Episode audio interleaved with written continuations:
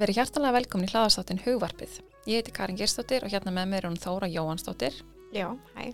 og í dag ætlum við að ræða um kvíða. Við munum fara yfir hvað kvíði er og hvernig hann lýsir sér, enginn hans og hvert er hægt að leita. Svo koma til okkar tveir viðmælendur frá kvíðakastinu, þau Sturla Brynjölsson og Katrin Mjöll Haldósdóttir. Þannig, já, smekkveldi þáttur í dag, þannig að ef ekki bara vind okkur í þetta. Þetta betur. Já. Vanlega þá byrjum við þáttin okkar að taka stöðun á hvorannari, Já, eða bara, já, Mm. spyrja hvernig við höfum það og svo leiðis, en við ætlum að gera það eftir með viðmælum okkar. Já, þannig við erum ekki að svindla Nei, með því að sleppa, við ætlum að taka það eftir Emil. saman. Já, við viljum leggja áherslu á það að það getur verið einhverju minni tengja við einkennin sem við nefnum. Það er fullkomlega eðlilegt og þarf ekki að þýða um röskun sé að ræða. Allar raskan er grundvöldst í mannlegu eðli en fólk finnur mismikið fyrir einkennunum. Það? Yfirleitt er talað um röskun þegar einkennin hafa hamlandi áhrif á lífið komandi og eða valda viðvarandi vanlíðan. Ef það er tilfellið ykkur eða ykkur grunar að svo sé hjá einhverjum í kringum ykkur, þá er afa mikilvægt að leita sjálfar. Um, en bara, myndum okkur í það. Já, Við þekkjum öll kvíða. ég þekki allavega kviða. Já, ég líka. Uh, og kvíði í sjálfur sér er mjög eðlileg tilfinning sem allir upplöfa einhvern tíman. Og sem dæmi er algengt að fólk verði kvíði fyrir mikilvægum atbyrðum eins og lokaprófi, stefnumóti, halda kynningu og svo framvegs. Í sömum aðstæðum getur hann verið mjög gaglur.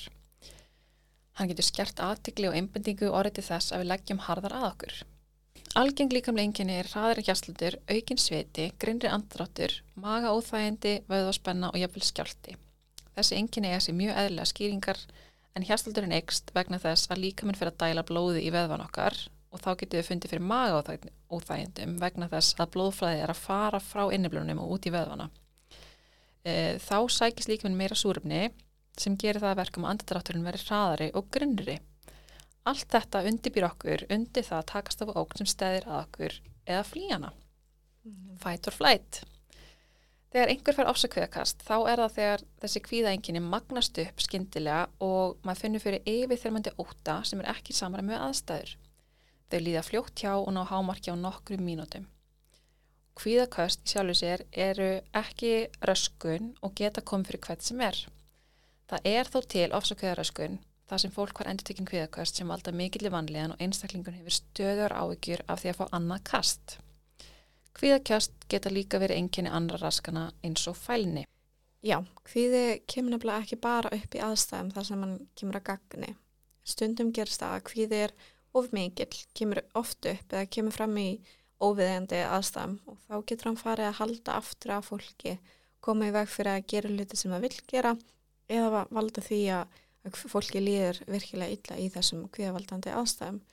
Þá er oft tala um að kvíði sé að hafa hamlandi áhrif á daglegt líf einstaklings og þá gæti verið um kvíðaröskun að ræða. Kvíði getur komið gagni í viðeigandi aðstæðum en ef hann er farin að tröfla fólki í daglegu lífi er góð ástæði til að leita til fagæðala. Um, ef við förum bara aðeins núna í nokkra kvið, kvíðaraskanir, bara svona stöðlega. Um, afmarku fælni uh, specific phobia á ennsku er mikil ótti eða hræðsla við ákveðin hluti eða fyrirbæri sem er ekki í samræmi við það sem hérna vikur ótti eða hræðslu. Fólk með fælinni reynur ótt að forðast þessi fyrirbæri eins og þau mögulega geta eða þraukar í gegnum þau með miklum ótta, kvíða eða vanlíðan og með því að forðast það sem fólk óttast þá finna það fyrir um, smá létti í stuttan tíma svona sloppi við eitthvað sloppi við hérna það sem veldur svona miklum kvíða Mhm. en hérna áhyggjuna óttin hverfa ekki Nei, og það er mikilvægt að vinna með það. svona skamtíma laust. Já, algjörlega svona plástur. En eintögund fælni er félagsfælni eða félagskvíð eins og ég held að margir þekki það. Og það er þegar fólk finnir fyrir miklum óttaði kvíð í félagslegum aðstæðum, til dæmis í samræðum við aðra í partum, þegar þú ert að kynast nýju fólki, tala við yfirmenni eða bara eitthvað og hérna við erum félagsveru og það fylgir því að það er eðlilegt að vera kvíðin í sum félagslegum aðstæðum. Aftur á móti eins og við vorum að tala um áðan, ef þetta farið að hamla manni í daglegu lífi og maður fyrir að forðast félagslega aðstæðir eða þraukar rétt svo í gegna þær og upplegin mikið kvíða vanlíðan meðan þá getur við gott að lita sér aðstæðar. Önnu gerð kvíðaröskunar er almenn kvíðaröskun. Það fylgur þessi miklar og ítrekkar áhyggjur sem geta í raun snúast að hverju sem er, til dæmis framistu í vinnu eða skóla, framtíðinni, peningamálum og fleira.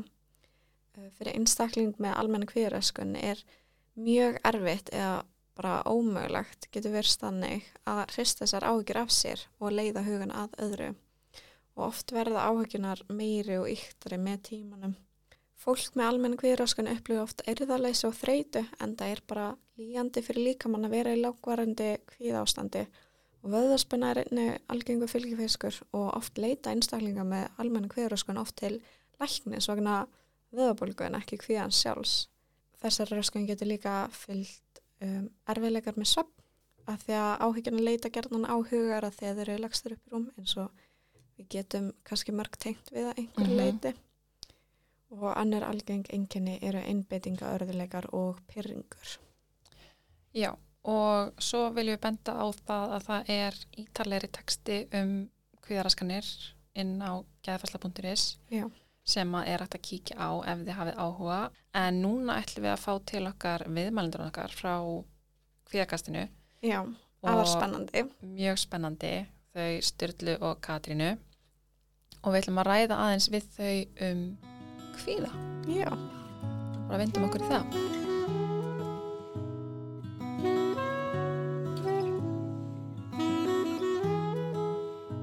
Núna eru komnið til okkar sálfræðingar frá kvíðakastinu nýllaðvarp sem byrjaði í desember, var það ekki? Mhm, Jú, Mhm. smelt passar. Og ég ætla bara að leifa ykkur að kynna ykkur sjálf.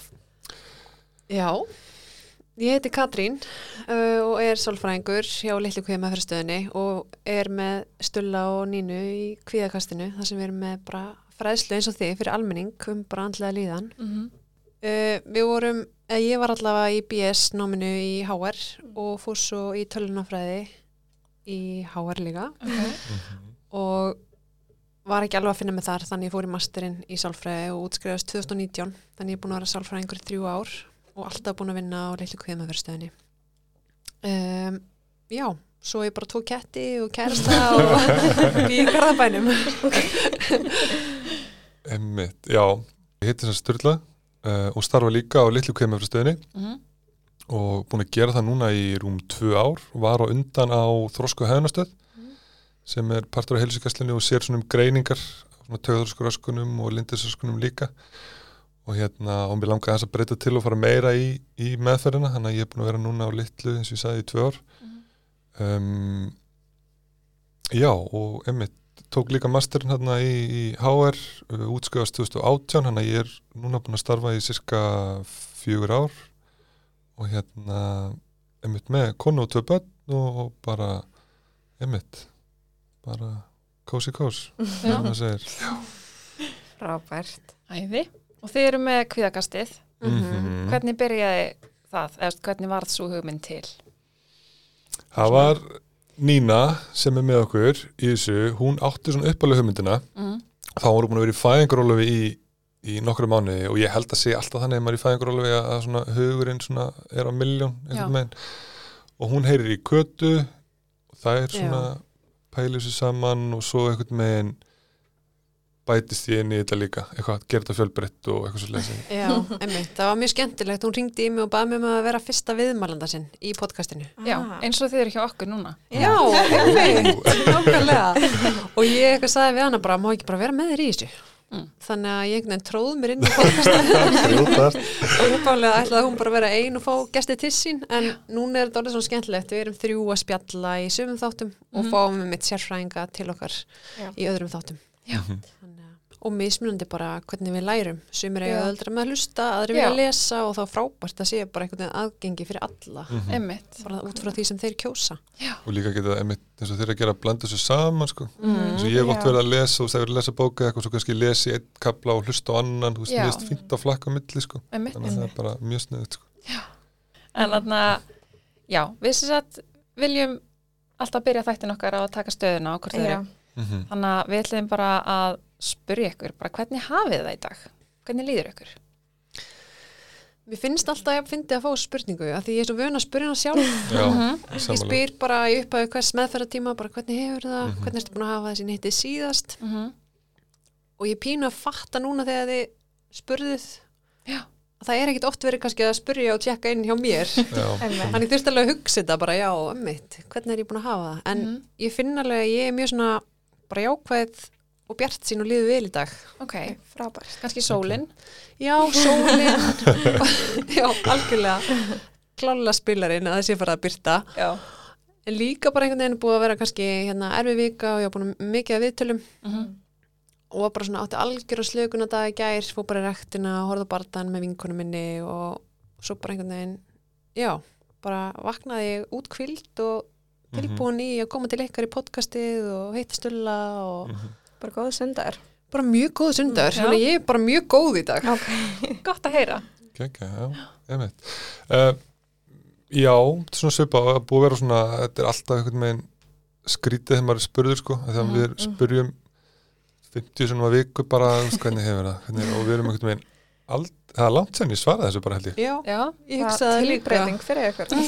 Já, einmitt, og svo bönnuð okkur líka að segja bara, já, við erum bara góð eða eitthvað, þannig að það er líka að gera þetta verra sko, þannig ég er eitthvað svona dottin í eitthvað svona tilfinningu orðið haustum á mér. En ég veit ekki, ég upplifi sko uh, mikla sko, kona mín er búin að vera svolítið lasin heima núna með influensuna Já. um, eða bara veik. Um, hann er ég búin að vera svolítið bara með krakkana og svona og, og mista svolítið svona, mista alltaf kósi og ég, ég upplifi svona bara ró, búið að vera kósi hjá okkur. Ég er búin að ná að fara í ræktina bæði í lögut og svo þannig ég er svona, þá er maður alltaf miklu meiri svona orkuð meiri eitthvað megin Mhm. Já, algjörlega. og hérna svo er maður líka svona smá stress að koma náttúrulega, þú veist, Einmitt. hingað en, en á sama tíma mjög spenntur um, þannig að já, ég bara tengja við eitthvað svona ró núna það er svona jafnvægi og eitthvað þannig að það er bara sko frábært já, Já, þetta er ásannlegt. Einmitt. En, gott að heyra. en þið, má spyrja ykkur Já, já. já, já, Ég er að ná mér, ég var svolítið stressað því að fyrir hlustenduna þá glemdi ég minniskortið sem er fyrir að taka upp. Þurfti svolítið að bruna heim og tilbaka en ég hérna, ég er að ná mér. Mhm. þannig ég er bara, já, ég er spennt, bæði stressuð og spennt og já, hérna, að vera hérna í dag og finnst bara fínt að fá þessa tilbreytingu að því ég er búin að vera svolítið að kafa í skólanum sko, í BS-pælingum og því, Mhm. þannig að bara yfir heldina er ég, hef ég það bara gott. já. Já, ég líka, ég er bara nýkomni frá Berlín, var í Berlín í síðustu viku. Og finnst ég mitt vera bara svona í ágætis jafnvægi í dag, Einmitt. líka sólinn og Já. þú veist, þá líður manni bara svo miklu betur. Mhm. þannig að ég er bara svona, já, velstend Já. samt að líka búin að vera stressuð fyrir þessu og þú veist, en það er bara eðlilegt en sólinn hjálpaði Mm. Já. Mhm. En við erum með, með að tala svolítið um stress og við ætlum að tala um kvíða í dag. Mhm. Um, getið þið kannski bara byrja að segja okkur svolítið hvað kvíði er? Það er stórtið spurt. Ú, einmitt, maður getur ekkert með tala um þetta á tvennskonar hátt, sko. Mhm. um, Jú, Kata vorum við að ræða þetta á hann og ég held að við hugsum oftast svona þegar við erum að starfa við þetta og við erum að tala um þetta, að við hugsum um þetta sem svona varnakerfið okkar, svona varna viðbrað. Og svo getur maður líka tekið umræðana sko bara eitthvað svona, já, ég menn þetta er tilfinning, þið vitið, og tilfinning að gefa okkur upplýsingar og allt þetta, sko. En mér finnst svona þægilegsta skýringin áttast að vera bara svona, þetta er varnar kerfið okkar ef við erum í hættu og svona hjálpar okkar að bregðast við, þetta fight or flight, þið vitið sem að svona flestir kannast við sko. Já. Og, hérna, og eðli mál samkvæmt er það rosa mismunandi eftir hverju meinum hvað það er sem ítir undir þessa tilfinningu sko. og við höfum örgleitt að tala þessum það nánara eftir þú veist hvernig þetta flokkast og allt það og, Mhm. og, og hvað það er sem að ítir undir þetta kerfi líkamanns að tryggarast sko. Mhm. Þannig, en í grunni myndi ég kalla þetta bara tilfinningu Mhm. sem kemur sem veitur okkur upplýsingar að það sé okkur ógn mögulegt staðar og hjálpar okkur svolítið að breyðast við og líka minn fer svolítið í gang þið vitið, þetta blóðflæði og súrmyndsflæði þú veist fyrir stóru vöðvana og allt það og svona gerur okkur meira viðbúin til að breyðast við Mhm. Já. þannig að Mhm. það er svona summer þetta eitthvað upp Jú, sirka. bara Já. mjög gott Já. að sumur þetta svona þú tókst svona smá af öllu og Já, hérna matreitir þetta vel Já, það er erfitt, Já. þetta er mjög erfitt samt að Já. Þetta er alltaf svo Algjörlega. stórt eða, þú veist, þetta er að, það sko Einmitt Já. reyna að ta- segja bara hvað er kvíði Þetta er bara Já. svona, einmitt En það var bara mjög góð útskýring Já, Já. ó, gaman að heyra Og það sem ég er svolítið að heyra er að þetta er ekki sjálfu sér slæmur hlutur þannig, Nei. eða þú veist, Nei, það Alls er ekki, sko. varna viðbrað sem er, Mhm. sem við viljum kannski hafa, ég hérna hlusta á einn þátt í okkur Mhm, og þið líktu hérna hviða við reikskinjara sem við tökum líka Já, sem dæmi í hérna fyrirlestunum Fræðslunum okkar, okkar, veist, Mhm. við viljum hafa hana reikskinjara ef þú veist það kveiknar í húsin okkar en Mhm. hérna svo getur hann farið að vera bara svona svolítið kannski vandræða. Mhm. Já, Einmitt. Og ég held einmitt svona í samfélaginu er oft talað um kvíða sem eitthvað svona slæma hlut einmitt Mhm. en hann er einmitt bara ótrúlega hjálplegur Mhm. þegar hann er í Já. samræmi við aðstæður einmitt ef við erum til dæmis með bara bann sem að er mjög kvíði fyrir því að fara í skólan Mhm. og það er kannski lagt í einhelti í skólanum þá Já, er mjög hjálplegt að finna fyrir kvíða í þeim aðstæðum Já.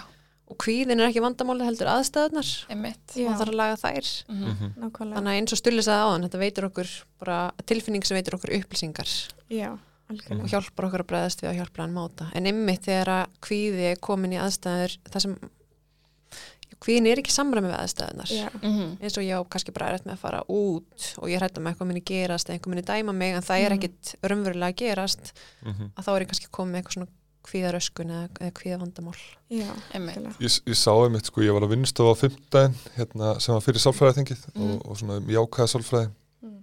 og mér skemmtilegt, sko, þegar voru að sína mynd svona í glærusjói, að maður í svona dýragarði, með svona hendina inn í, inn í búri hjá ljóni og ljóni var sagt, með hendina á honum í kjæftinum Já. og hérna og þær spurðu svona hópin eitthvað svona já, hvað hvaða tilfinningu allir þessi hafi hugsað eitthvað svona hafi fengið áður en að hann let hendinin í búrið? Og þau vorum þetta að segja ofta ef fólk eitthvað svona tala um já, hann er auðvitað upplega eitthvað svona hugrekki eða eitthvað svona spennu eða eitthvað Mhm. en að því að við varum öll hérna sálfræðingar og öll eitthvað svona, já, góða tilfinningi sem hann er upplega hér er kvíði þarna er mitt vill maður upplifa kvíða þú veist, eða Já. ljón bara fyrir framann Já, Mhm. nákvæmlega maður er ekki bara eitthvað að fara að klappa ljóninu þið viti, það er mest Nei. að Mér veist sko. geggja að þú hafa sagt góða tilfinningin Já. sem við finnum fyrir að þið Mhm. líka eins og hérna þið voru að tala um úst, hann, hann er ekki slæmur og það er ekki til hennar slæma tilfinningar Nei. Mhm. þær eru annarkvort bara einmitt hjálplegar og óhjálplegar Mhm. í mómentinu Mhm. þægilegar óð, eða óþægilegar að upplifa Mhm. Já. Já, þannig að kvíði er oft mjög óþægilegur líkamlega Einmitt. en ekki neikvæður eða Mhm. óhjálplegur alltaf Einmitt, Nei. algjörlega Það er finnst gaman að heyra ykkur tala um þú veist, kvíða sem svona góða tilfinningu og hjálplegan og því að náttúrulega maður þarf að fá kvíða til þess að geta mitt flúður aðstæðum ef maður með Mhm. þú veist, hendina í kæftinu hjá Ja, ljónu algjörlega. skilur mjög Já, og líka bara sko þú veist bara í svona basic scenario þetta er náttúrulega svona ykt dæmi mitt að vera í dýragarði eða eitthvað en að vera bara þú veist þegar maður er að fara að keppa í fótbolta eða eitthvað, þú veist maður er ekki að hlaupa bara eitthvað svona drabbast áfram maður er eitthvað svona smá spenntur Já, og eða bara, viti, eitthvað svona labbiðu götu eða eitthvað, það er eitthvað svona smá kvíði til staðar, þess að bara yfir götu, það er bara, eitthvað, að ég er bara labbiðu götu maður vill hafa eitthvað svona smá svona, Já. Mhm. þú veist, bara svona er þú veist, aðteklinn hér, hún svona gerir mann eftirtekta saman og allt það Mhm. þannig að- Svo getur hann meitt verið svolítið kvati til þess að undirbúa sig betur fyrir já, Mhm. sem hluti. Bara Já. próf og svona Já, já, og mér var svolítið gott að þið nefndu öll hérna svona já, smá stress en líka spenna. Já, og þetta er einmitt. svo nátengt. Mhm. Bara ok, við erum stressu fyrir að mæta henni í podcast Mhm. að því við viljum standa okkur vel og þetta skiptur okkur máli. Mhm. þannig að það er oft líka hægt að, að hérna, skoða hina hliðin á peningnum Já, já, og vera bara ok, er kvíðin en já, einmitt, að því ég vil gera þetta vel og þetta skiptir mig miklu máli. Já, eins og í prófi eða einhverju svona framistu í íþróttum eða eitthvað þannig. Já, að, já, ég er henni að gefa manni vísbendingur um þetta eins og segir, skiptir mann mál, Mhm. já, já, já, Já, algjörlega. einmitt. En hérna, svo getur stundum verið svolítið erfitt að greina milli hvenar kvíði er orðin ekki í samræmi við aðstæðu hvenar hann er Mhm. hérna, farin að hamla manni svolítið. Já, Mhm. einmitt, þannig að getið þið kannski tala svolítið um það. Mm Þetta er góð spurning, sko, Mhm. og við tölum oft um svona, og líka bara almennt með tilfinningar, sko, svona Mhm. check the fact, sko, bara Já. meikar tilfinningin senn, sko, Já, og það er náttúrulega eitthvað sem að þarf bara svolítið að skoða svolítið svona heildrænt, sko, Mhm. Úst, og oft er tilfinningin alveg í samræmi með aðstæður, en það er ekki endilega hjálplegt að bregðast við henni. Já, líka það, já, þannig að ég, ég get verið kvíðin og það er í samræmi með aðstæður en það er ekki endilega hjálplegt fyrir mig að fara úr aðstæðunum Þa, Já, það væri kannski Já. hjálplegra Já. fyrir mig að vera í þeim Mhm. já, þannig að maður það líka að spurja sig að því já, en svo líka bara þegar að kvíðin er orðin það mikill að hann er farin að hamla okkur í daglegu lífi Mhm. og komið veg fyrir að við náum markmiðunum okkar eða gera sem okkur langar til að gera Mhm. og þá er það oft mjög góð vísbending um að við séum komið með einhverja kvíðaröskun í hendunar Já, Emmett. en svo getur, það er alveg rétt að mig líka að þú veist, þú getur líka verið með mjög mikið kvíða en samt gert þessa hluti en verið það bara að upplega mjög mikla vanlíðan. mm Mhm. Já. Það er líka vandamál Algjörlega, og mjög erfitt. Já, mjög góða punktur því maður getur alveg verið að pína sig í aðstæðunar Mhm. og Já. upplega kvíða allan tíman Mhm. En samt verið að gera allt Já, Emmett. en það er samt kvíðaröskun Já. bara bakvið, já, Já. mjög góða punktur mhm, maður hugsaður þetta stundum sko eins og með félagskviðan sko og svona Já. yngri krakka sko kannski áður en við verða eitthvað svona sjálfstáð að geta tekið meira ákvarðanir alltaf vera að draga þið með eitthvað svona í ættamót eða Já. eitthvað búið eða eitthvað stöðu kvíð eitthvað megin Mhm. þau verða að mæta svo Já. kannski er hún eldri þá bara í nenni ekki neinu eða eitthvað, Mhm. Já. og við erum endalist í kringum fólk en samt ennþá með. Emmett. þannig að, einmitt Mhm. Líka ég var svolítið að pæla með sprautufóbíu mm. Mm. og þú veist, hún hefur vantilega oft farið í sprautur og sérstaklega núna í COVID já, Mhm. en þessi kvíði er samt ekki að fara Mhm. en Nei. hérna, einmitt þá kemur kannski henni þessi örugishæðun sem ég ah, sem þau vilja kannski segja ykkur frá því ég fór um eitt síðast meðinni í hérna blóðtöku mm og ég var kannski svolítið svona öryggisteppið hennar þar sko já. Einmitt já, það hljóma svona smá eins og þarna sko kannski ef að fólk veit ekki alveg hvað öryggisæðin er sko, að ef maður kannski útskýrir það lauslega, það er svona ákveðin hegðun sem maður sýnir þegar kvíðin eitt staðar. Já, og maður gerir eitthvað til þess að minka kvíðan svona tímabundið. Veist, ég kalla þetta ofta að þetta, veist, maður er að koma sér eitthvað öryggi, maður er að verja sér frá hættunni einmitt, en í rauninni er maður ekki þá að leifa sér að upplifa kvíðan já, og þá er maður stöðugt einhvern megin, maður leifir sér ekki að finna fyrir það er ekkert hættur þetta að fara að gerast. Eins og þessi vinkuna þín að fara í Sprautu. Já, já, að hérna, hún er að fá okkur svona hugristingu frá þér. Já, og þá minkar kvíðin hennar aðeins svona, já, já ok, úf, hún er með mér hérna, þú veist, ef það gerist eitthvað þá Einmitt. bara nær hún að ringja á sjúkrabíl eða eitthvað þið viti þannig hún næri ekki bara að upplifa bara ég gati þetta ein Einmitt. einhvern megin og bara ég fann fyrir kvíðanum já, mhm, og ég liði þetta af og bara einmitt, og allt það. Þannig að Þetta er náttúrulega, þetta er náttúrulega svo rosalega óþægilega tilfinning og það er svo eðlilegt Mhm. líka að forðast að upplega svona já, Já. óþægilega Mhm. tilfinningu eða þú veist, Mhm. þannig að maður skilur alveg algjörlega þessa örgishæðun og svona og einmitt maður finnur það alveg maður er að og einmitt partur með þetta meðfyrir mér er einmitt að kortleggja þessu örgisæðin já, Já. til að láta fólk átta sig á því hvað er sem er að viðhalda kvíðanum já, og það eru ég, ekki, ég veit ekki nákvæmlega svona hlutvarslega en það er ekkert allir sem eru bara til ég bara já, ég bara tek þetta bara allt út nei, þá þarf maður einmitt að búta þetta niður eða, eða gefa þeim eitthvað bjargrað með. Mhm. Já. það eru svona líka smá styggsmunur sko. Já, að því eins og með sprautufælni mm, það er ekkit endilega hjálplegt fyrir alla bara ok, nú ætlum ég bara að taka alla örgisheðun ég ætla bara að mæta þarna ein og ég ætla bara ekki að taka sigur með mér og, og það, ég held ég myndi sjálf upplega kvíða ef ég væri að fara að horfa á einhverja nál sem er stungið Já. inn. Já, ég, ég- get ekki hort sko. Nei, og ég forðast alveg að horfa og, og ég hugsa að það, það er bara bjargraða mitt að því ég veit ég þarf að fá svo sprautu, minnst ekki þægilegt að láta stinga mig með einhverju. Nei. og þá vel ég bara, ég ætla ekki að horfa Mhm. já, og það er kannski ekki endilega einhver öryggisheðun hjá mér þetta er meira svona eitthvað bjargráð. Já, já, já, einmitt. Til að gera þetta ekki eins óþægilegt. Já, já. Mhm.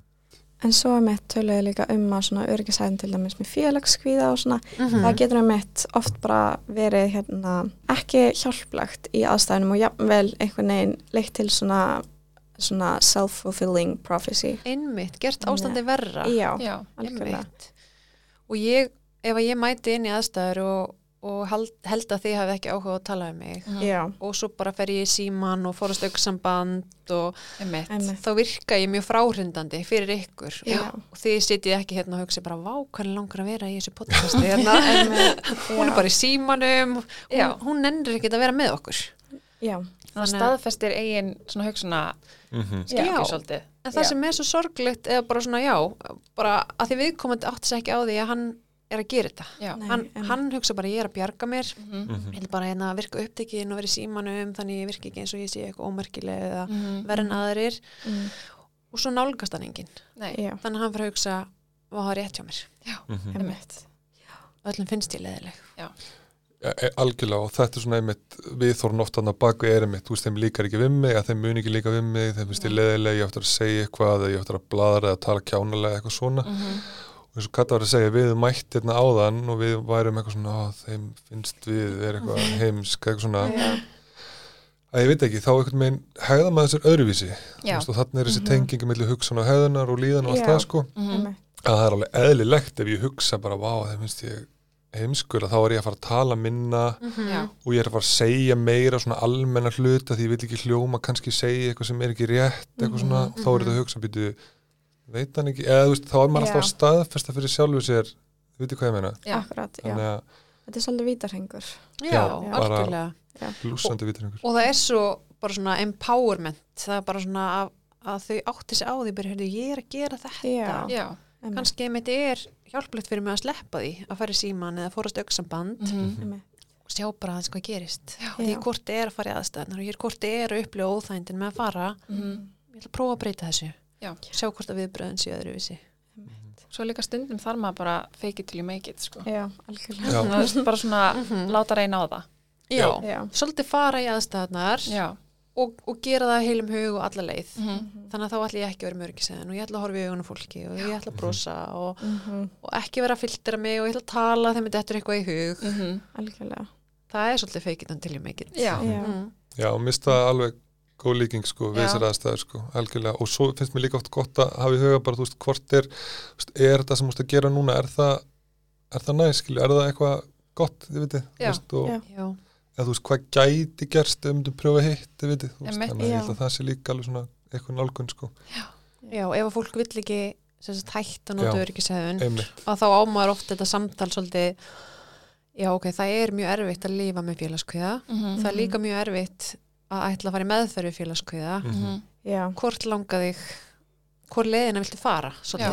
Já. Einmitt. því bæði tekur á og bæði Mhm. er erfitt og við upplifum kvíða í báðum aðstæðanum Mhm. Mhm. en ef við förum kannski í meðferð við félagskviða að þá kannski endar það Mhm. frekar Já. og Einmitt. stundum er samt þess að þarna maður finnur alveg að fólk er náttúrulega mis svona komið langt einhvern veginn á þá leið að vilja komast yfir hlutina og stundum er það bara smá þannig að fólk er ekki alveg tilbúið og maður þarf Já. líka bara svolítið að grípa það og við getum ekki þvinga fólk einhvern veginn nei, Nákvæmlega. og, og einmitt, þú veist, að það er alveg hægt að mótivera fólk en, en stundum einhvern veginn lendir maður á vegg og fólk þarf svolítið að átta sig, og bara eins og þegar maður er að fara í ræktina þið veitir, þú veist, þetta er þetta klassíska skilur, þú veist, Mm.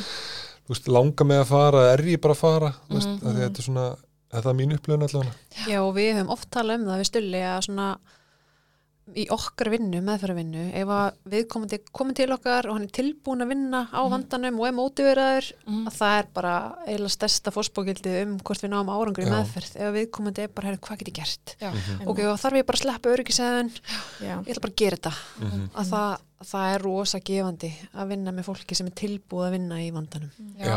og þá líður manni líka smá samt þess að maður sé ekki að gera neitt sko. þau eru bara til í allt og maður bara, Já. wow, þetta er bara geggja og, og hérna þannig að, og líka fólk sem segir eitthvað svona, ég ætla bara að nýta tækifæri við stegir hjá sálfræðing, að ég ætla það bara bara að pröfa allt og bara, þú veist allt það, þannig að það er bara, Já. af hverju ekki bara, ó, ekkur ekki já. dásanlegt mhm, Mm Já. það er ekki alltaf þannig nei, Nei, Nei. Að því að við erum bara búin að tala svolítið mikið um svona öryggishægðun og Mhm. þetta hljómar svona eins og að þetta séu líka, þú veist, eitthvað sem tengist í náttúrulega hvað maður er að hugsa. Ég var bara að pæli hvort þið getur sagt okkur frá svona helstu mm -hmm. hugsanarskekkunum sem fólk sem er að hlusta getur kannski búið og mhm, átti einmitt sig á. Við erum einmitt nýbúin að tala svolítið um þetta hjá Já. okkur í kvíðakastinu, tala um svona endumatt og hugsanaskekkjur já, og mismöndu hvað fólk notar hugsanavillur eða hugsanaskekkjur eða eitthvað Mm. svo leiðis Mm. en bara mikilvægt að taka fram að þú veist, þetta er eitthvað sem öll eru með og Já, ég byrja rosa mikið einmitt á að taka það fram með skjólstæðingum. Þetta er ekki bara eitthvað, ég ætla að þú sett með eitthvað hugsanaskekkjur Já, sem ég er að grípa þú veist, ég, og ég tala alltaf bara um að ég er með hérna endalust hugsanaskekkjum og það sem ég veist klálega algengast er svona allt eða ekkert sko. Já, einmitt bara svona klassist annarkvort líður mér óslega vel eða umulega eða þetta var óslega næs eða bara hundleðilegt eða skólinn er hræðilegur og bara kennarnir leðilegir og allt eitthvað meginn sko. Mhm. Mhm. svo finnst mér líka sko tventi viðbútt, mist svona þessi neikvæða rörsinn sem er líka inn að hugsa að vilja já, mist það rosa svona oft klassist þegar maður er með þessi svona neikvæðu gleru á sér mhm, Já. og bara þú veist maður fyrir í bíó eða eitthvað og það er óslega gaman eða eitthvað en, Mm. en hérna en maður setti kannski mikið salt á poppið eða eitthvað og maður er Mhm. bara, oh, það var bara ónýtt já. Ég er svona undirbúið með andla, ég er nefnilega að fara að bíu eftir með krökkunum sko. Ekki setja of mikið popp aftur. Nei, salt. Passa Já. Passa saltið. læra reynstunni En svo er það líka þessi hugsanar lestur sko. já, hann Ég- er uppáldið mitt Já, já, Við maður kunnum heyrir mikið náttúrulega- af því já. Mhm. Þetta er sko þegar maður er einmitt búin að útskast úr BSM í sálfræði, þá er maður einmitt bara komið með hugsanar lestur. Því að verður heilt þetta frá vinum einhver það ekki. Já, ertu núna eitthvað lesa hugsanir Lesa mína hugsanir já. sínar. já, að þetta, þetta er eitthvað svona sem við gerum samt þú veist við höldum að við getum lesið hugsanir í öðrum Mhm. mhm, þannig að þegar ég fyrir út í bíla eftir bara vá hvað þeim fannst ég vera þú veist, og þá er ég dottin í hennan hugsanar lestur og þá þarf maður Mm. svolítið þegar maður er dottin í endumati í tímum þú veist að taka spjallið, þú veist er þetta staðrind eða er þetta hugsun og allt það sko Já. Mhm. og hérna en þú hvað ert með fleiri sem þetta mér finnst líka mikilvægt eins og bara með þetta að við erum samt, það er eðlilegt að við dettum í hugsana lestur Mhm. já, að því við erum oft með eitthvað svona gött feeling eða eitthvað á tilfinningunni, já, eitthvað sem Mhm. að gerast og það er oft hjálplegt að hlusta á það Já. þannig við megum ekki heldur þetta alltaf í bara, nú er ég hugsanlestri ég með einhver óþægilega tilfinningu um hann líka ekki við mig, já, ég er röglega bara að búa eitthvað til, ég ætla að fara í endumat Já. já, það er alveg mikilvægt og við tölum um kannski í dialektískri atveldsmeðferð sem ég er mikið að beita og Já. hún stölu líka Mm. Við erum með þennan, þessa raukhugsun mhm, og svo erum við með þennan, þessa tilfinningahugsun Mhm. já, þannig að og saman viljum við bara skoða þetta tvent já. taka mark á báðu í rauninni Já. Mhm. Mér finnst þetta svolítið gert lítið úr þessari tilfinningahugsun eins og Já. hún hafi ekki Mhm. alveg jafn mikið rétt á sér Mm. einmitt, að þeir eru alltaf spurt bara hver, er- hver, er- hver er sönnunagögnin Já, á baku þetta og maður er eitthvað svona ég er ekki með neitt Mhm. en, en Já. mér líður samt þannig Já. Og það getur verið erfitt upplýð ég að greina á milli innsæis og kvíða Mhm. eitthvað Já. bara svona, algjörlega Já, góð punktur sko og svona Já. líka lesa í aðstæður, þú veist, lesa í annað fólk, þú veist, ef einhver Já. er að gefa frá sér svona eitthvað og ég er bara svona, ó, ég veit ekki alveg hvort að þessi mannski líka vel við mig, en kannski Mhm. er hún bara svona, Mhm. mér er erfitt átt sig á því hvort þetta sé mitt bara persónenginni þeirra, Já. eða hvort þið séu bara finnst þú vera bara algjör, algjörlega. Ég veit og, ekki hvað. Já, einmitt einmitt, og svona ákveða hvort maður vilji gera eitthvað þú veist, ef eitthvað að segja þér að gera það ekki þá er stundum svolítið erfitt Mhm. að greina á milli. Mhm. einmitt. Og mér finnst kannski að því við erum mikið við vinnum alltaf litlu kviða með fyrir stöðinu og erum mikið að vinna með börnum Mhm. og þá er alveg hjálplegt að fara í endumat á hugsunum. Já, en svona þegar maður er kannski eldri og er kannski bara með miklu meiri reynslu um bara, maður hefur gert miklu meira og maður getur farið í reynslubankan, heyrðu, hvað gerist síðast í þessar aðstæður, já, þá fór þetta svona einmitt. og Já. þarf maður kannski ekki endilega að setjast niður og vera eitthvað nú ætlum ég að endur með þessa hugsun ég tek eftir hérna neikværi rör sín já, Já. það er kannski bara nóg að vita ok, hvaða tendens hef ég í Já. tilfinningum, Já. bara eins og með ég er með mikið tilfinninganæmi og ég veit bara að þegar ég er að fara að byrja að æfa nýja hérna, íþrótt eins og þrýþraut Já. Að þá dettu kviðanum mitt í gang og ég Mm. verður að hugsa, já ok, ég verður að glömlega hérna í sundlaunni og allir verða hann undan mér og ég var langsíðust Mhm. en þá er nóg fyrir mig að hugsa, já, ok nú veit ég bara, Já. ég er með mikið kviðanami heili minn fer þangað Mhm. ég ætla að samt bara að fara og þú veist, taka þessa hugsun með mér ég þarf ekki að fara kannski endilega í endumatið Mhm. Já. Já, algjörlega og víst, þú minnist á að við erum mikið að vinna með börnum það er náttúrulega svolítið öðruvísi sem er að endum þetta eitthvað með litlum svona dúddum sko eða, eða stelpum eða svona einhver 15, 16, 17 ára Mhm. og stundum, þú veist, maður spyr sig þú veist, hvena getur maður kallað eitthvað endumat sko, stundum Mm. er maður bara að kafa onni þú veist, hvað heldur að geti gerst sko, Mhm. eitthvað svona, maður er að kafa djúft og eins og, veistu, tölum að þessum sprautufalli áðan sko, og Mm. maður hefur alveg verið að vinna þess með það líka Mhm. og þá er oft svona hugsanir bara eins og að veist, þetta er að fara í beinið eða hún er að fara að brotna og bara tínast inni og svona Já. og þá þarf maður stundum bara að taka svolítið svona tölfræði með þeim og Já. allt það, Já. þannig að Mhm. þú veist, maður er kannski ekki beint eitthvað að endum þetta, maður er bara Nei. basically að segja veist, að, að þetta er bara ekki að fara að gerast Já. einhvern veginn en maður segir ekki þannig, maður já. skoða staðarindir og, Mhm. Og oft eitthvað svona klassistimið líka þegar krakkar halda að geti kapnað á ykkur eða borða Mhm. jógurt með ykkur mjalaðbyrjum í eða eitthvað Mhm. og, Já. og þú veist, þá var maður oft bara einmitt að taka þessa staðarindir með þeim Já, sko. bara Já. hversu oft hefur borðað jógúrt með jarðabörju Já. veist, eða, eða bara hversu oft hefur borðað bara tölfræðina svolítið Já. Já. og hversu oft var það sem að þú varst næstu búin að kapna og það var eitt skipti og þú ert búin að borða hérna fimm sinnum á dag í þú veist fimm ár. Já. Þannig að líkunar eru ekki mjög miklar Nei. Einmitt. Og það kemur alltaf á óvart hvað svona hlutir geta verið svona empowering sko, maður einhvern veginn bara gerir ráð fyrir, ég minnst það mjög algengt með kvíða, maður er að tala við fólk Mhm. og maður svona, og maður er eiginlega bara hættuð í dag, sko, maður gerir ráð fyrir maður viti Já. hvað er eitthvað svona, já, þetta er brautufælni það var eitthvað pottitt bara út af þessu Já. svo maður Já. dýbra Mhm. og oft líka eins og með sveppvanda eða sveppkvíði eða svona kvöldkvíði eitthvað svona, maður heldur að sé eitthvað og svo er það bara eitthvað allt annað og fóreldatin bara eitthvað Vá, ég veist, ekki hugmyndu þetta af því að þú veist, maður sem fóreldi til dæmis maður er ekkert eitthvað kaf, gett djúft í kvíða maður er bara eitthvað, barnið kvíðið eitthvað, Já. eitthvað þú eru ekki að sofa eitt en svo er það kannski bara eitthvað allt annað. Ég finnst þetta frábæð punktur að því ég held líka að kvíði er útrúlega einstaklingsbundin og Já. út frá okkar túlkun á aðstæðum. Já, Mhm. Þannig að við stulli gætum orðið kvíðin í sumu aðstæðum en hann getur verið kvíðin út af einhverju bara allt öðru heldur en Þannig að mér finnst þetta svolítið gott. Við þurfum að kafa Já. ótrúlega djúft og spurja Já. margar spurninga og alls Já. ekki gefa okkur og við vitum um hvað kvíðin snýst. nei, ég Nei. mitt og er þá kannski munur líka á hvernig þú tekst á við kvíðan eftir hvað orsakið neða, er þetta bara svolítið sama, þú veist, Góð sem skrifin eða? Ég minn hennar endur taka spurninguna. Já, það var svona góð, ég skildi hann ekki alveg. Sko, ég tólka þetta þannig að ef að við værum í aðstæðum bara ég og Kata værum í aðstæðum Mhm. kvíðin við sama hlut, einhvern veginn en mm, orsökin væri Já. af þennum toga. Mm. Og hvað er þá munur á hvernig maður tekst á þenn? Já, ymmit. Nú kannski gott að vera með einhverjar, að búið til einhverjar aðstar, þar sem við varum Já. bæði kvíðin og Mhm. Ég myndi alveg, ég er kannski erfitt að hugsa eitthvað á staðnum En það væri samt bara eins og koma hingað. Þú, þú varst eitthvað svona, hugsaðir, ég á aldrei eftir að finna þetta. Það var kannski þinn kvíði og þú ringdir í mig og var eitthvað, hvað er þetta?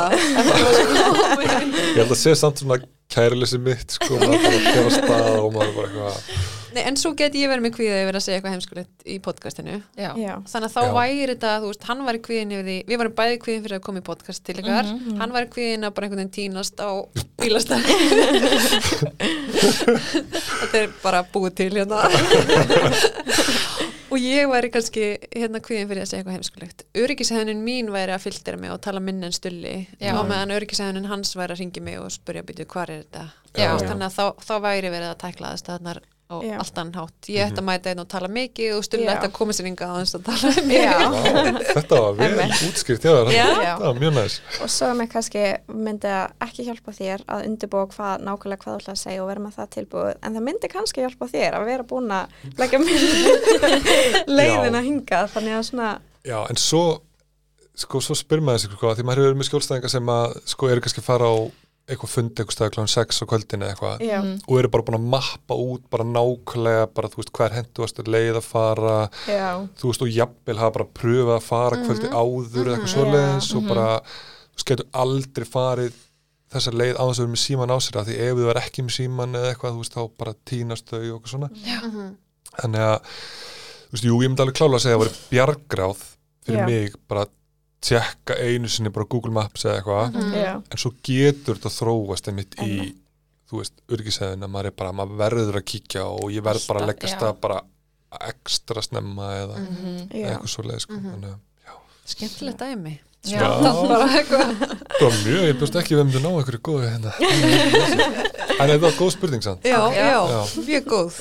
mjög góð spurning Já, við erum búin að vera að tala svona bæði um kvíða og smá svona eðlilegan kvíða og hérna og hvenna kvíði hættir að vera hérna gaglegur og svona en svo er líka til eitthvað sem heitir ofsakvíða og hérna ofsakvíði Mhm. og sem hérna einnkynnistafi sem kvíða kastum og það er einmitt maður tala stundum um að maður er búin að kvíðakasti það er mikið að gera í Mhm. skólanum ég bara, þú Mhm. veist en það er munið þarna á getið þið útskýrt það Mhm.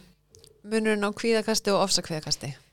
Já, bara svona einmitt bara miklum kvíða bara, já, vera bara kvíðin og Já. vera bara fá kvíðaköst skilur já, já, Já. já, Mhm. já, og sko styrkleikin í kvíða er náttúrulega bara mismikill. Mhm. Ég get verið bara svona í mallandi fjarka ef að við hugsaum um kvíða viðbræða skalum 0-10 Já. Mm. og ég er svona finn bara, ég er svona fjórir og ég er kannski með smá ónót í maganum og smá Mhm. svona stíf í aukslunum og, og eitthvað svona Mhm.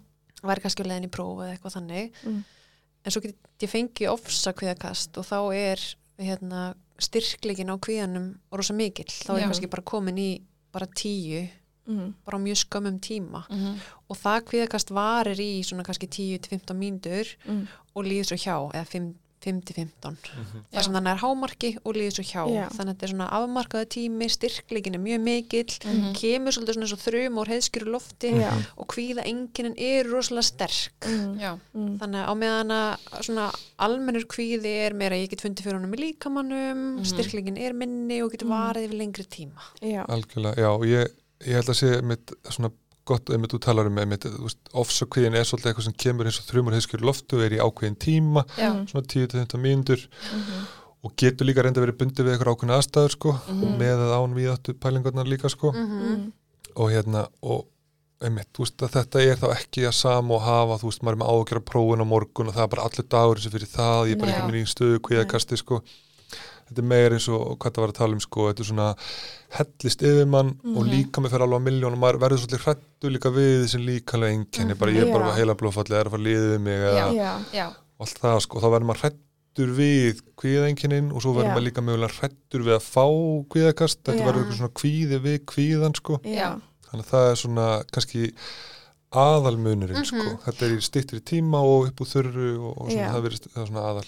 Og svona meiri viðbröð eins og líkamlega viðbröð og svona Mhm. Já, og við með tölum um þetta í fræðslun okkar og þá fáum við stundum spurninguna þú veist hvort þetta sé eitthvað sem getur verið mjög lengi eða hvort Mhm. þetta sé afmarkaður tími hvort þetta sé hættulegt hvort Mhm. það hafi einhver áhrif á líkamann þú veist, einmitt eins og bara er ég að fá heilblóðfall er ég að fá hjartaáfall eða eitthvað svona mhm. og kannski bara svona já, taka það svona hnitt með Mhm. það bara hvort þetta sé Mhm. hættulegt hvort þetta geti haft einhver áhrif á líkamann og eitthvað svona fleira Já, ef við spáum í því, þetta er náttúrulega varnarkerfi líkamanns sem Já. að fer í gang til þess að hjálpa okkur að vera á lífi. Þegar við vorum Mhm. hellisbúar, það fór þetta í gang, það var einhver Mhm. hætta í umhverjum okkar. mm -hmm. Þannig að væri mjög óhjálplegt ef þetta væri kerfi sem að myndi Mhm. drepa okkur eða væri Já. hættulegt Já. á einhvern hátt. Einmitt. Einmitt. Já. Og þarna held ég bara að því þetta er svo ótrúlega óþægileg tilfinning Mm. að þá hugsaður, já, þetta lítur að vera hættulegt. Mhm. En nei, þetta er bara ótrúlega óþægilegt Mhm. en hjálplegt í réttum aðstæðum. Mhm. Þannig að, að, sko, að það er ekki hættulegt líffræðilega að fá kviðakost. nei Nei, einmitt og þetta er mist gott að ég maður tekur þetta stundum það sem Kata var að segja, þú veist, þetta væri ósla galla kerfi, þetta var um eitthvað kerfi sem er svona hjálpa okkur að lifa af mm Mm. en við erum samt að drepast eða eitthvað hægt og rólega sem að virkja, það væri ósla spes sko, Mhm. og Já. hérna þannig að það er það er góð punktur, en sko mér er líka gott að taka fram sko eins og með ofsakveða köstin sko, eða bara svona kveða köstin sko, maður er í raun að kveikja bara svolítið á sama kerfi og þetta svona, þetta lífræðilega kerfi og fólk heldur auðvitað að það sé að fara þú veist, líði yfir sig og eitthvað svona. Mm. og, hérna, og þá svona byrjar maður að tengja þetta saman, þú veist, ok, þegar maður er að reyfa sig þú veist, þá er maður í raun að virka svolítið sama kerfi, sko, þetta drifkerfi í rauninni, sko, í líkamannum, sko, já, Já. og þá er mitt ofta gott að taka umræðina, sko, þú veist bara fólk sem er í íþróttum til dæmis í, fótbolt eða eitthvað mhm, þú veist, það var ókslega skrítið að vera að horfa á fótboltaleik það var bara líðið fólk bara vellinum og Já. bara eða það væri bara hérna að fá heila blóðfall bara hérna Já. bara fyrir lið eða, eða viti hvað ég meina mhm, og Já. mér finnst það líka alveg áhafur pæling sko. mhm. Algjörlega. En getur þetta ekki verið mismöndi hvernig, þetta, hvernig fólk fær kvíðakast? Því að maður heyrt svona með órunveruleika tilfinningu Mhm. að hún sé ráðandi hjá sumum og eitthvað svoleiðis. Algjörlega. Tó, já, Já. sorry, ég ætla ekki að gripa frá Nei, því við erum svo spennt að svara við erum að keppast um mikrofónu við við, við sko tölum að sumunda við tölum svolítið um ofsakveðið mitt hjá okkur í einhvern þætti og við Mhm. vorum með mitt, við fyndi við ég, Kat og Nína sem erum á kveðakasti ég held Mhm. við höfum greinlega öll þó nokkra reynslu persónulega af kveðakastum Já. Mhm. en öll samt á mismunandi leveli og við vorum búist og við eins og við hefum verið að lýsa í rauninni bara alltaf einu hlut já, en við erum samt að lýsa sama hlut sko. ofsa kveðakasti. já, Já. Já. já, einmitt, já, Mhm. taka það fram já Mhm. Já. eins og mín sko, þú veist, þegar ég voru að upplega ofsækvæðakvæst á sinni tíma þá var það meira svona einmitt ótti að vera að fara að liða mig, byrjaði svona Mm. svitnallur og okkur svona Mhm. og, þá var, og það kom oftast þegar ég var og það var svolítið tengt við aðstæður sko Mhm. þegar ég var í miðju leikus eða eitthvað ég bara fokk, ég kemst ekki út, skilur já, kom bara yfir mig, ég var bara eins og var að fara að liða mig og, og einmitt tók svona cirka korter alltaf. Mhm, svo var ég bara orðinn feskur, já, Mm. svo fyndið sko. Já. að, hérna, en svo einmitt þegar Kata var að lýsa þessu og mitt, Já, já, það sko mitt var, tók bara tvær myndur já, það var eiginlega bara svona einhver hefði reykist í bara kviðatakan og ég fekk bara öll enginin í svona tvær myndur og svo bara leiði þetta hjá. Ekki að blengi greinlega og hjá Mhm. stulla. Mín ráðandi engini voru svona rosa mikil órumverulega tilfinning Mhm. og svona verkur í maganum. Já, já, Mhm. þannig að hérna erum við bæðið að lýsa ofsakveðakostum en það er eins og við sem að tala um bara einhvern allt annan hlut já. Já. já, og ég held að þetta sé eins líka með kvíða ég held svona að fólk tengi eins og ef ég er kvíðin þá fer ég kannski svolítið að skjálfa Mhm. fæ svolítið í magan Mhm. og meðan kannski einhver annar fengi órumveruleika tilfinning og byrja að svitna rosa mikið það er svona einstaklingsbundið hvaða enginni við tökum eftir og kannski líka bara hvaða enginni við hræðumst eða okkur finnst mikilvæg já, Mhm. emmi, Já, mér finnst það góður hann að loka punkturinn einmitt. mm. Já. já, En er eitthvað svona sem að, þú veist, þetta er náttúrulega rosa mismunandi á einstaklingsbundið, þú veist, Mhm. er eitthvað sem að flestir gætu gert til þess að, þú veist, bara hjálpa sér í þessum aðstæðum eða þið fá afsakaðakast eða eitthvað svo leiðis. já, ekki setning gerið ekki neitt Já, já, ok, það er, þetta er það óþægilega við að vera sálfræðingur sko, maður er búin að taka Mhm. ykkur að mentun og eitthvað svona, maður er að kortleika eða geða ykkur tími að skilja ásakaða kvestinu manneskunni Einmitt. og maður er með ykkur fræðslu og eitthvað svona og svo bara, eins og Kata sagði og við gerum ekki neitt já, Já. hljóma pínu brútal, já, við er- erum hérna í fimm ára háskólanámi Já. og ráðum Já. mitt er gerðu ekkert en sko málið er samt, þú veist, að gera ekki neitt maður þarf samt að vita hvað þetta ekki neitt er sko, Mm. Þú veist, það er náttúrulega svo mikilvægt sko mjög oft lúmst það er lúmst sko Mhm. og hérna þú veist, og bara svona klassist bara ef ég tek dæmi þegar fólk er út í búð eða eitthvað að vestla Mhm. að það heldur að sé að fara að liða við sig eða eitthvað svoleiðis Mhm. þá heldur óslega fast um kerruna eða þú veist bara verður að hafa það hafa nálega sér eða hafa, verður alltaf að hafa eitthvað messir í búðina þegar það líður yfir mann þá bara, mm. þú veist, hafa eitthvað til staðar ef eitthvað gerist, þið veitir Mm. að vera meðvituð um þessa hluti um leið þú finnur að kviðin er eitthvað svona aðeins út að kikkin í eitthvað kviðakast eða ofsa kviðakast Mhm. að þú veist, halda það bara kannski bara sleppa þá kerrunni þið vitið og, og, og eitthvað svoleiðis. Og eins og fyrir mína sækir, þú veist, ég var í leikus ekki þegar ég sé eitthvað alltaf í leikusi eða eitthvað en þú veist, fyrir mér, þú veist, að ég mín örgisæðin þar var að sitja bara við útgangin en ef ég byrja að fá svona svimakast eða eitthvað, bóka mig bara í miðjum salnum og þið vitið og bara meðvitað líka um hver aðtikli mín er, skilur og allt það Já. Mm. en í rauninni líka, þú veist, gera ekki neitt og gera líka öfugt það er líka Já. náttúrulega eitthvað sem, að, já, sem að er gott að í huga hann að Já. ef það er eitthvað ráð, þú veist, fyrir eitthvað sem er að hlusta og eru upplið ásökuða kvöst, Mhm. bara hvað ger ég nákvæmlega þegar ég fá ásökuða kvöstin er ég að ringi vinkonundar mínar, er ég að leggjast nýr í rúmi mitt eða mm. þú veist, bara fer ég úr peysuna þegar mér er svo heitt þú veist, bara hvað er ég að Mhm. gera til þess að láta líðan hérna kvíðan láta- líða hjá Já. Já. þú veist fyrr, að því maður gerir þetta til þess að hjálpa sér Já. Mhm. og bara minka kvíðakastið Mhm. og að því líka kvíðin nær hámarki á okkurum tíma og líður svo hjá Einmitt. þá heldur fólk gott bara já ok, ég bjargaði mér Mhm. með að nota Algjörlega. þessa örgisæðun Já. já, þannig að mjög gott, einmitt kortleggja Mhm. hvað þú ert að gera Mhm. og reyna svo einmitt að draga úr Já. því en ég held samt líka að leita sér aðstofar sálfræðings, ég held Já. sé mjög Mm. þetta er svona þannig vinna að Já. það væri kannski líka bara hjálplegt að setjast niður með einhverjum og kortleggja það með einhverjum og, Mhm. mm. en einmitt þetta, gera hérna, gera ekki neitt eða Mm. gera verra eða já. við kvíðan Já.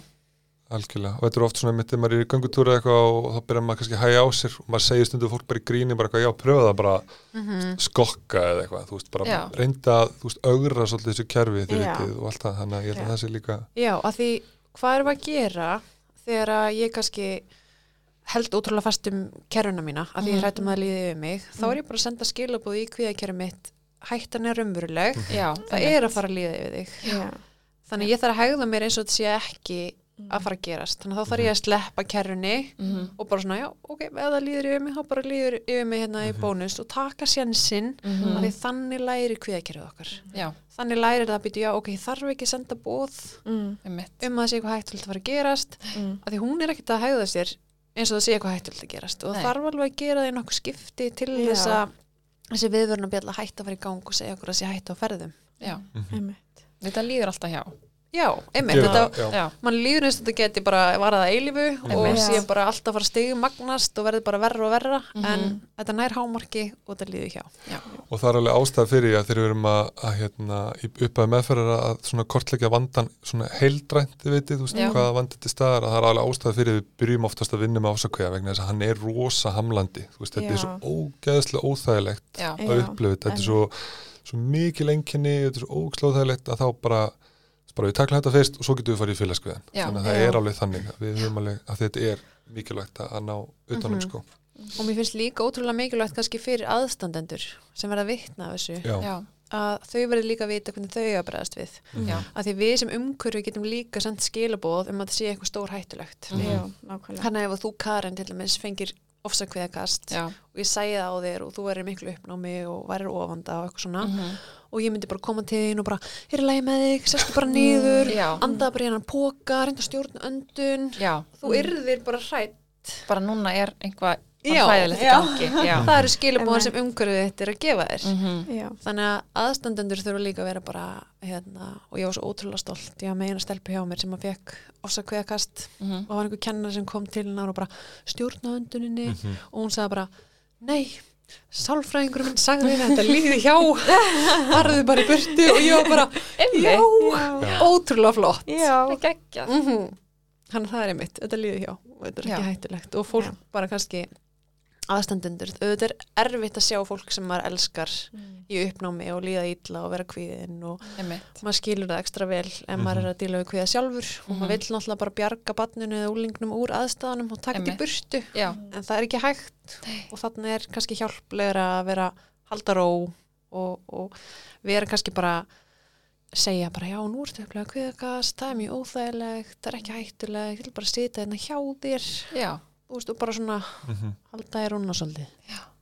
Já, en svo, já, bara einmitt, svo er þessi fræðsla bara svo ókslega mikilvæg að fólk viti bara, þú veist, hvað er að gerast af því að fólk Já. Já. heldur bara genuinely, einmitt, að það sé að vera líðið við sig eða, eða Já. það er að einmitt og að bara miss- hjartafall Já, hjart, já, Já. einmitt, Já. og já. eðlilega, já, Já. er það bara ótrúlega Þannig að- Einmitt. þannig að fræðslan, þessi vorum að tala um við upplöfstundum eins og við sem ekki að gera neitt, sko Já, en bara það að fá þessa fræðslu er rosa svona, já, Mm. empowering fyrir fólk, sko algjörlega. þetta, bara, ja, þetta er bara einhver super líkami sem við erum með og er bara að verja okkur já, en er kannski ekki alveg með þetta brunabjöllu kerfi í, í lagi sko, sem Nei. við þurfum að endurstilla sko. Já, við Þannig- þurfum líka bara að hjálpa líkamannum að átta sig á því, bara, heyrðu, þetta er ekki, ekki ástæð til þess að vera eitthvað, bara Já. að svitna og bara vera með hjarta áfælli og þú veist, bara svona, já, reyna að hjálpa honum aðeins Já. líka. emmitt. þetta er bara ristavelin í tíundaskipti sem Já. er að koma Já. smá sko, þetta er ekki hérna Einmitt. eldur hérna í, já, hann er algjörlega En þess vegna finnst mér líka svo frábært að því ég man bara þegar ég var allst upp, ég vissi bara ekki neitt um kvíða. Nei, En þess vegna finnst mér svo frábært bara það sem þið eru að gera og þessi hætti bara að leita bæði á texta og hlusta podcastið Mhm. til að fá fræðsluna að því Mhm. eins og ég mitt í ofsakvíða þá er fræðslan svolítið svona já, bara svona líkil atriði Mhm. eins og. Stulli var að tala um. Já, já, ég, já, já, að ég ætla bara að segja, ég man bara svo vel þegar ég fekk fræðslu þegar ég var einmitt í BS að fara í starfsnami á einsta fekk að setja hamnámski, það var að tala um öryggisæðin og svona.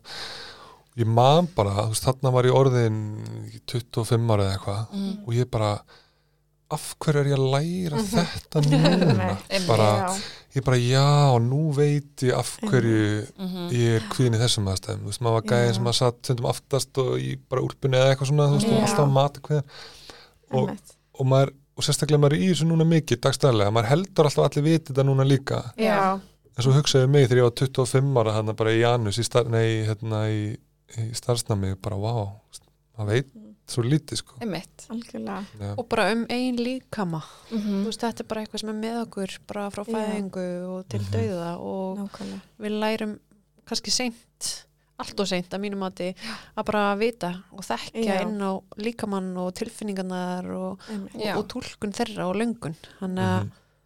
ég myndi upplega eins og þú Þannig að maður læri þetta alltaf seint Já, og bæði vita, þú veist, þetta er eitthvað sem allir upplifa mm -hmm. og að þetta er ekki endilega eitthvað sem maður á að upplifa, þú veist, í svona miklu magni, skilur, Mhm. þú veist, kannski er Já. þetta eitthvað svona ástand sem maður er búin að vera í bara alltaf, Mhm. búin að vera bara með eitthvað kvíða viðbrað bara þegar maður er að fara í partí og bara ókslega erfitt fara í partí og eitthvað og svo bara svona, já, byrju, á það ekki að vera þannig, á ég ekki að vera með í maganum og ókslega Mhm. sveitt og eitthvað, þú veist, Mhm. Já. er, get ég gert eitthvað í þessu, Já.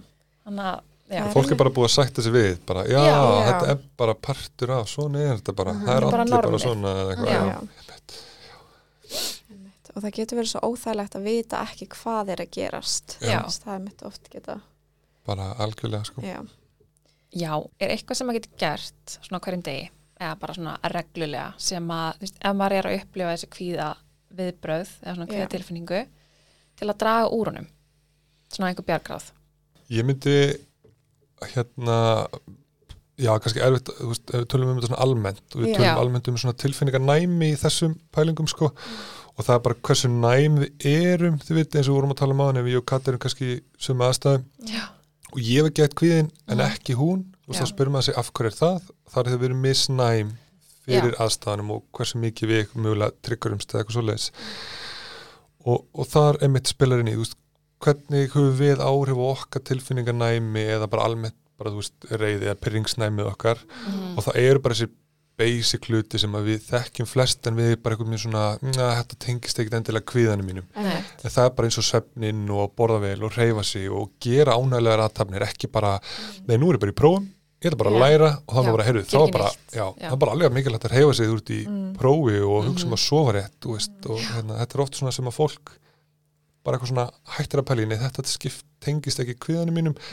Þetta tengist hann bara Já, mjög mikið sko. já. Já. Einmitt, ef við hugsim um bara andlega heilsu og bara stóðirnar þar undir Mhm. að svefn, næring, reyfing, samskipti Já. Já. ef það er eitthvað svona fermt sem við getum flokkað þetta í Mhm.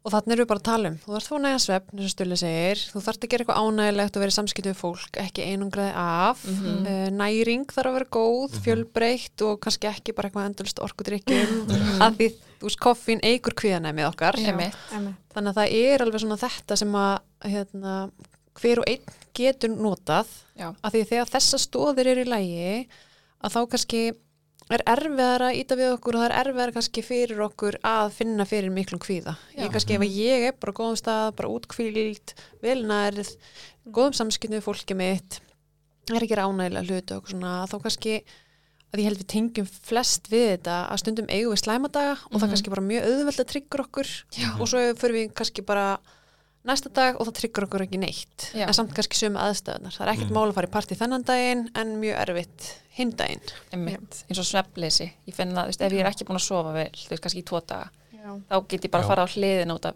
engu Einmitt. og svo er ég kannski búin að sofa vel þú veist, í viku og Mhm. þá er ég bara eins og Mhm. ekkert sé, skilur Já. Ná. Einmitt, Nákvæmlega. og þá er auðveldra fyrir kvíðin að laumast inn og eitthvað svona pyrringurinn og allt þetta því að við erum bara svo ókslega næm þá fyrir Mhm. þessu sko. Og bara einmitt hlúa að veikindum þú veist, ef við erum líkamlega veik Já. Líka eðlera sem við kamari Já. að taka inn líf sem eigum að vera að taka og gera Mhm. það reglulega Einmitt. það er þetta bara svona þetta, þessi grunn atriði Mm. sem Já. er gott fyrir alla Já. og hjálpa til með þetta meðal annars einmitt, Svo finnst mér hérna eins og með svefnin, mér finnst líka kvíðin geta haft áhrif á það, maður kannski Já. Þannig að Mhm. það getur líka svolítið svona haft vikslverkandi áhrif og næringuna líka Já, þannig Já. að þá er spurning hvað maður gerir þá Mhm. og þarna held ég að við sem komum svolítið í þetta er rosa einstaklisbundið Já, það er mjög erfitt að sitja í podcastu og vera eitthvað, já, þú finnur fyrir kvíða og þá Já. ætti ég bara að gefa þér þessi ráð og þá Já. lagast það. einmitt. Þetta er svolítið svona, hérna, einhver gæti verið mjög kvíðin og reynda að borða það ótrúlega mikið til að, að því þegar við borðum þá virkar sefkerfið okkar Mhm. en kvíðakerfið er í drifkerfinu Já. og þetta getur ekki verið í gangi sama tíma. Nei. Þannig að það er mjög algengt að fólk annarkort sé kvíð og reyna að borða yfir tilfinningarnar Mm. eða upplifið ótrúlega mikið svona listaleysi og getur bara alls ekki borðað þegar Já. það er kvíðið.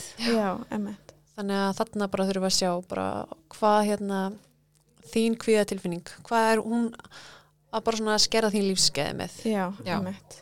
Já, en já, svo, viðst þú minnist að söfnin sko, já, eins og Kata segir, þú veist, þannig er þetta líka orðið rosa einstaklismyndi, þú veist, hvað það er sem er í döndir, eitthvað svona svepp rösku eða svona svepp vanda Já. Mhm.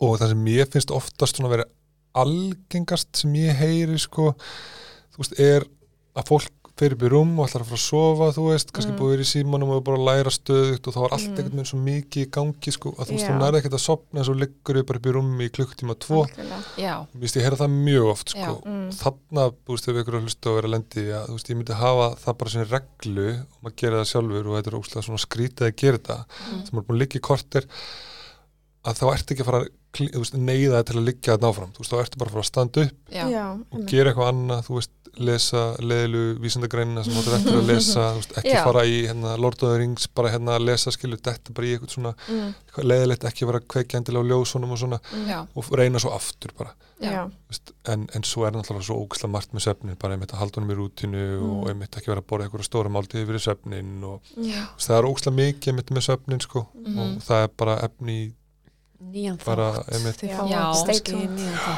einmitt. en mjög skemmtilegt umræðefni heilt yfir svepp sko. Mm, einmitt. og þarna geta líka, þú veist, kvíða hugsanir verið að trubla slepp, þannig ég leggst á kottan og Já. kvíðin fyrir á full, fullt Mhm. með alls konar bara hvernig verður morgundagurinn og þú ert eftir að feila Mhm. og það verður ömulegt Mhm. og þá er líka að tala um sko að reyna að átta sig á þessari lúpu sem fer í gang Já. og reyna að að því fyrsta skrifið til þess að stöðu eitthvað er náttúrulega að vera meðvitaður um það Mhm. þannig að æmitt hugsa bara hvað er að gerast þegar ég fyrir Já. upp í rúm Já. Já. er þetta áhyggjur sem fara í gang þegar ég fyrir á Mhm. leggst á kottan Já. ok, ég ætla einhvern veginn að reyna að brjóta það upp eins og Stulli segir, standa upp og fara og gera eitthvað annað eða ef við hugsaum þetta eins og plötu að reyna að setja puttan á plötuna til þess að reyna að stoppa Já. þannig feril sem fyrir í gang Geggjaða punktur sko og ég Mm. mm. tala stundum um þetta þegar maður er að fara að sofa og maður, ég held að það þekkja nú allir að maður fer bara að hugsa um bara hluti þegar maður bara fimm ára bara akkur ég sagði Já. þetta Siggu frængu eða eitthvað þið veitum og mér er svo gaman sko, ég ger þetta sjálfur og hérna, stundum er ég of lengi að gera þetta því mér finnst þetta bara svo skemmtilegt ég verður svona að geta forvitnin bara, vá hvað þetta Mm. skrítið þess að ég hugsa þetta núna og. Og eins og Kata segir, um leið og maður komið með þetta eitthvað með úr svona aftari svona partinum á mann og maður er svona eitthvað með reyna að færa þetta bara fram að sig og horfa á þetta bara eitthvað Mm, með svona þannig sé sko. Þá ser maður betur hvað þetta er bara eitthvað svona áhugavert og líka maður er þá eitthvað fínn í endumati maður þarf ekkert að fara þanga veist, maður á bara, á bara aðeins að pæli þessu og vera bara forvitin bara, þetta er áhugavert akkur er ég að hugsa þetta núna, þetta er skrítið Já, og mér finnst þetta geggjaða punktur sem þú ert að tala um að því að kvíðakerfið okkar er náttúrulega í möndlunni í heilanum sem Mhm. er svona þessi aftari partur í Já. heilanum og Mhm. þegar Stulli er að tala um að, að taka sér áhyggjur úr Mhm. möndlunni Mhm. og færa svolítið yfir í framheilan þar er raukugsunum okkar Já. þannig að leið og við erum búin að færa þetta yfir í aðra heilastöð þá náum við aðeins og það tala um að við náum að tempra kviðatilfinninguna Mhm. um 20% Já. bara við það einhvern veginn að nefna tilfinninguna Mhm. Og vera meðvitið um að við séum að hugsa þetta. Kannski geta, það er náttúrulega komið svo mörg upp núna, svona hugljóslöp og einmitt Já. eitthvað sem hérna geti kannski hjálpa við þetta, bara svona taka Mhm. skref aftur bak og horfa á hugsannar Mhm. kannski á svolítið hlutlegan hátt Já, að reyna það getur líka verið hjálplegt að skrifa það niður veginn fyrir þetta einmitt úr möndlunni og yfir í framheilan svo þeim, þetta er komið á blað einhvern veginn fyrir framamann Já. og þá hugsa maður bara, já ok, þegar ég sé þetta svona mm. meikar þetta ekki alveg sens, ég er kannski Nei. ekki endilega kvíðin fyrir þessu lengur, mér finnst Mhm. kannski Já. ólíkulegt að þetta sé að fara að gerast Einmitt. þegar ég sé þetta svona fyrir fram að mig, en Já. ekki bara einhvern veginn Í haustnum. já, þetta verður einhvern veginn bara partur af manni og mann er ekki einhvern veginn að hlutgera þetta eða sjá Einmitt. þetta með raukugsunni Já. Einmitt. En þarna kannski ekki rétt fyrir svefnin þetta er kannski ekki þannig vinna en, hérna, en svona bara almennt Já. kvíðaráð kannski Já, Já. einmitt það er, Já. s- já. það er svolítið fyndið að hugsa um það en kvíði er náttúrulega ekki kannski þessar kvíða hugsanir, það er ekki það er koma og fara, Mhm. það er ekki endilega, það er kannski ekki endilega hjálplegt að hugsa að þú ert að hugsa þetta mm. Mhm. og þetta er rétt og eitthvað svona einmitt og við gerum mjög mikið af því með krökkunum að hlutgera kvíðan já, Já. tölum um kvíða púkan eða einmitt, Já. eða hugsa um og fyrir fullon er ofta að hugsa um bara að þetta sé lítið bann að því, Mm. þú veist, ef maður hugsa að maður eigi bann sjálfur, einmitt, eins og stulli bara elska bönni sín og, mm. og bara kvíðin er bara eins og lítið bann Mhm. það bara vill vera örugt og er bara hrætt og þá getur verið hjálplegt að hugsa herri, kottu bara hérna með mér, ég ætla bara að leiða þig í gegnum þetta, ég veit þú ert órugt og hrætt en ég skal sína hérna hvernig þetta verður Já. Mm. Mm. þannig að einmitt, það er ekki ég er kvíðin já. Einmitt. ég er að finna fyrir kvíða já, nákvæmlega Já, ég held að sé einmitt góða punktur sko að hérna, stór partur náttúrulega með börnum í kvíðavinu er einmitt að svona svolítið að hlutgerða við erum Mhm. svolítið að reyna að blasta þess að eitthvað skjárpa þannig Já. að við séum ekki bara eitthvað svona megin þú veist, þá átta þessi betur á því þú veist, einmitt að þetta er eitthvað svona sem hægt er að laga eða þú veist, vinna með Já. þetta er bara eitthvað svona ég er mm. Þessar áhyggjur og þessi kvíði þetta er meira svona, Já. þú veist, það er eitthvað kvíðabúki að stríða mér og ég er svona aðeins að reyna að ég ætla svolítið að stjórna og ég ætla að vinna Mhm. svolítið sko Já. ég vil ekki hlýða honum í einu öllu Já. Einmitt. eða ég ætla að kenna eins og hvað það var að tala um þessu litla badni eða þessum örgisverði að, þessu, veist, ég ætla aðeins að doppeltsekka hvort það sé alveg rétt hjá þér áður en ég fer að bregðast við og sína þessu örgisverði já. Já. takk fyrir að passa mig en ég ætla aðeins að skoða ég, veit, ég er alltaf spennt fyrir þessu ammali takk fyrir að, kíkja á það ég held, já einmitt Já. Bara, mest það, já, bara mjög skemmtilega. Það er svona gott að einmitt setja þetta í þessar, þessi orð. Að Mm. þetta sést svona ekki hlut, þetta er ekki þú Mhm. Mm. þetta er eitthvað sem þú getur haft áhrif af og þú Mhm. veist, getur unni með og Já, annars held ég bara börnin yfir leitt sko myndu öruglega lítið bara einhvern veginn átta sig kannski á svolítið stöðinni, þú veist, þarna vita meira, þú veist, við erum að vinna með þetta frekar en við erum að vinna með, veit ég hvað ég menna, þetta er svona verður miklu meira óljóst. já, Já, emmitt. já við erum alltaf við erum núna komin í klukkutíma spjall Já. Mhm. Þetta er bara, þannig að er eitthvað sem þið viljið koma á framfæri sem við, Mér finnst kannski eitt eða við hefum ekki talað um aðteglinu kannski já, Já. Já, ef við kannski bara rétt skjóðum því inn að, algjörlega. að hérna, það er eðlilegt við erum kvíðin að aðteglinu okkar fara á hættuna og við erum ofta svona mjög bara upptíkin af því. Þannig að ef það er uh, ef að ég er hættum að þið dæmi mig hérna inni já, að þá er þið hættan. Já. og þá geti aðtekli mín farað ykkur en svo Mhm. geti líka hættan fyrir mig verið ég sjálf að ég hættum að segja eitthvað asnarlegt eða heimskulegt. Já, og þá getur aðteklin farið inn á við. Já, þannig þá er ég ótrúlega meðvituð um mig og Mhm. allt sem geti farið úrskeiðis hjá mér. Og við sem sálfræðingar tölum oft um aðteklina sem vasaljós. Þannig að bara svona aðeins til að hlutgera líka aðteklina því að Já. hversu oft spáum við aðteklinni og, og hver hún er og hvert hún beinist ekki mikið allavega. Nei. Ef ég tala fyrir sjálfum mig, sko.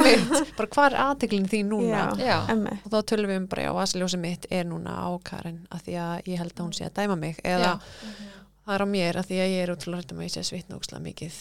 Þannig að við tölum um svolítið að, að færa aðteglina yfir á eitthvað annað. Mhm. þannig að ef ég er með félagskviða og ég er, ég er hættan að því ég geti gert eitthvað vandræðilegt að þá reynir ég að setja aðteglina á eitthvað í umhverjunu mínu Já. af því að það er erfitt einhvern veginn að safna upplýsingum um það sem er að gerast Mhm. ef ég er alltaf bara útrúlega meðut um sjálf mig Mhm. Já, Já. nákvæmlega. kannski missir af þú veist þessu góða og þessu jákvæða og allt Já. það Já. já, missa því þegar þú brosir til mín já, Mhm. að því að ég er bara eitthvað upptíkin að hvernig ég líti út eða hvernig þú Einmitt. getur séð mig já, þannig að, já, mista og hérna, ég tengi svo við þetta með aðteklina sko, en við náttúrulega, þetta er svona hluti sem er rosa lítið talað um, Mhm. en Já. við tölum rosa mikið um í meðferð, í rauninni sama hvaða kviðaröskuna er sko Einmitt. og maður er svo sjálfur svo með þetta um þetta þegar maður er að tala með þetta um daginn eins og ef ég tek dæmi, ég var á sálfræðinginu á það först daginn Já. Og, og maður hitta fullt af fólki sko. Bara enda, bara eitthvað, já, hæ, Siggi, ég er ekki búin að sjá því í tvö ára og svona, Mm. geggja mér því eftir að upplifa þetta. Þetta er ógslag gaman.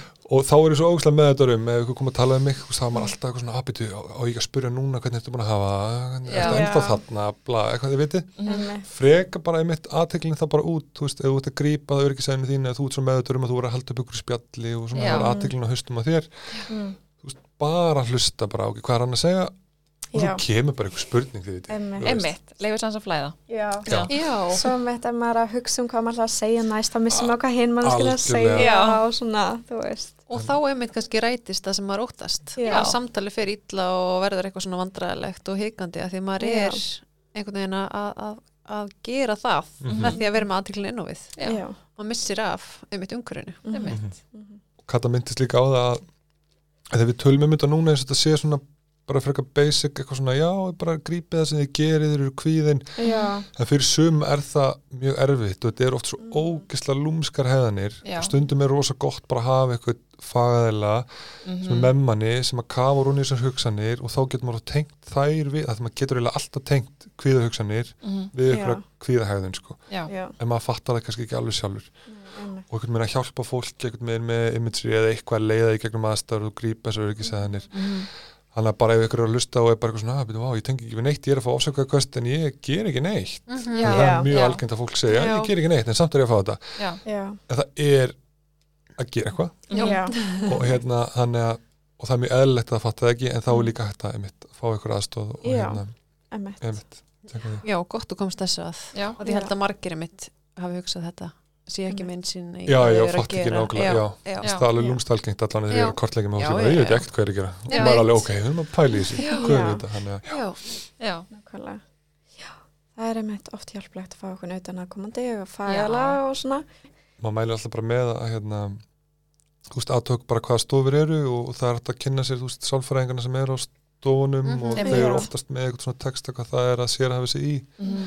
en oftast er að beinir er að koma sálfræðistofur að, að sálfræðingur sem fær beinina er eitthvað sem hefur áhuga á því sem að er óskað eftir Já. þannig að þú, maður reiknar alltaf bara með að fá sálfræðing sem að veist, hefur áhuga á Já. og vill vinna með þann vanda sko, eða þú veist, hefur einslaði Mhm. þessi. Nákvæmlega. Annars bara takk hella fyrir. Já. Takk fyrir að fá okkur Já, Þetta er fyrir mjög- mjög skemmtilegt spjall og bara svona mjög fræðandi og bara já, ég er mjög ána með þetta. Ég varst ekki um einhver hafi gagn af þessu. Já, Já, búið að vera mjög gaman að koma og bara takk fyrir að fá okkur. já. Og svo viljum við að sjálfsögum minna á kvíðakastið. Það Já. er á Spotify og fleiri Já, Apple Podcast þarna, Mhm. já, og eitthvað já. Emitt. Bara þið eru að bombin bara í hverju viku, eða ekki? Við reynum það, jú. Já. Já. reynum það, jú Mhm. Akkurat. Æðislegt. Já, það er bara, takk fyrir. Takk fyrir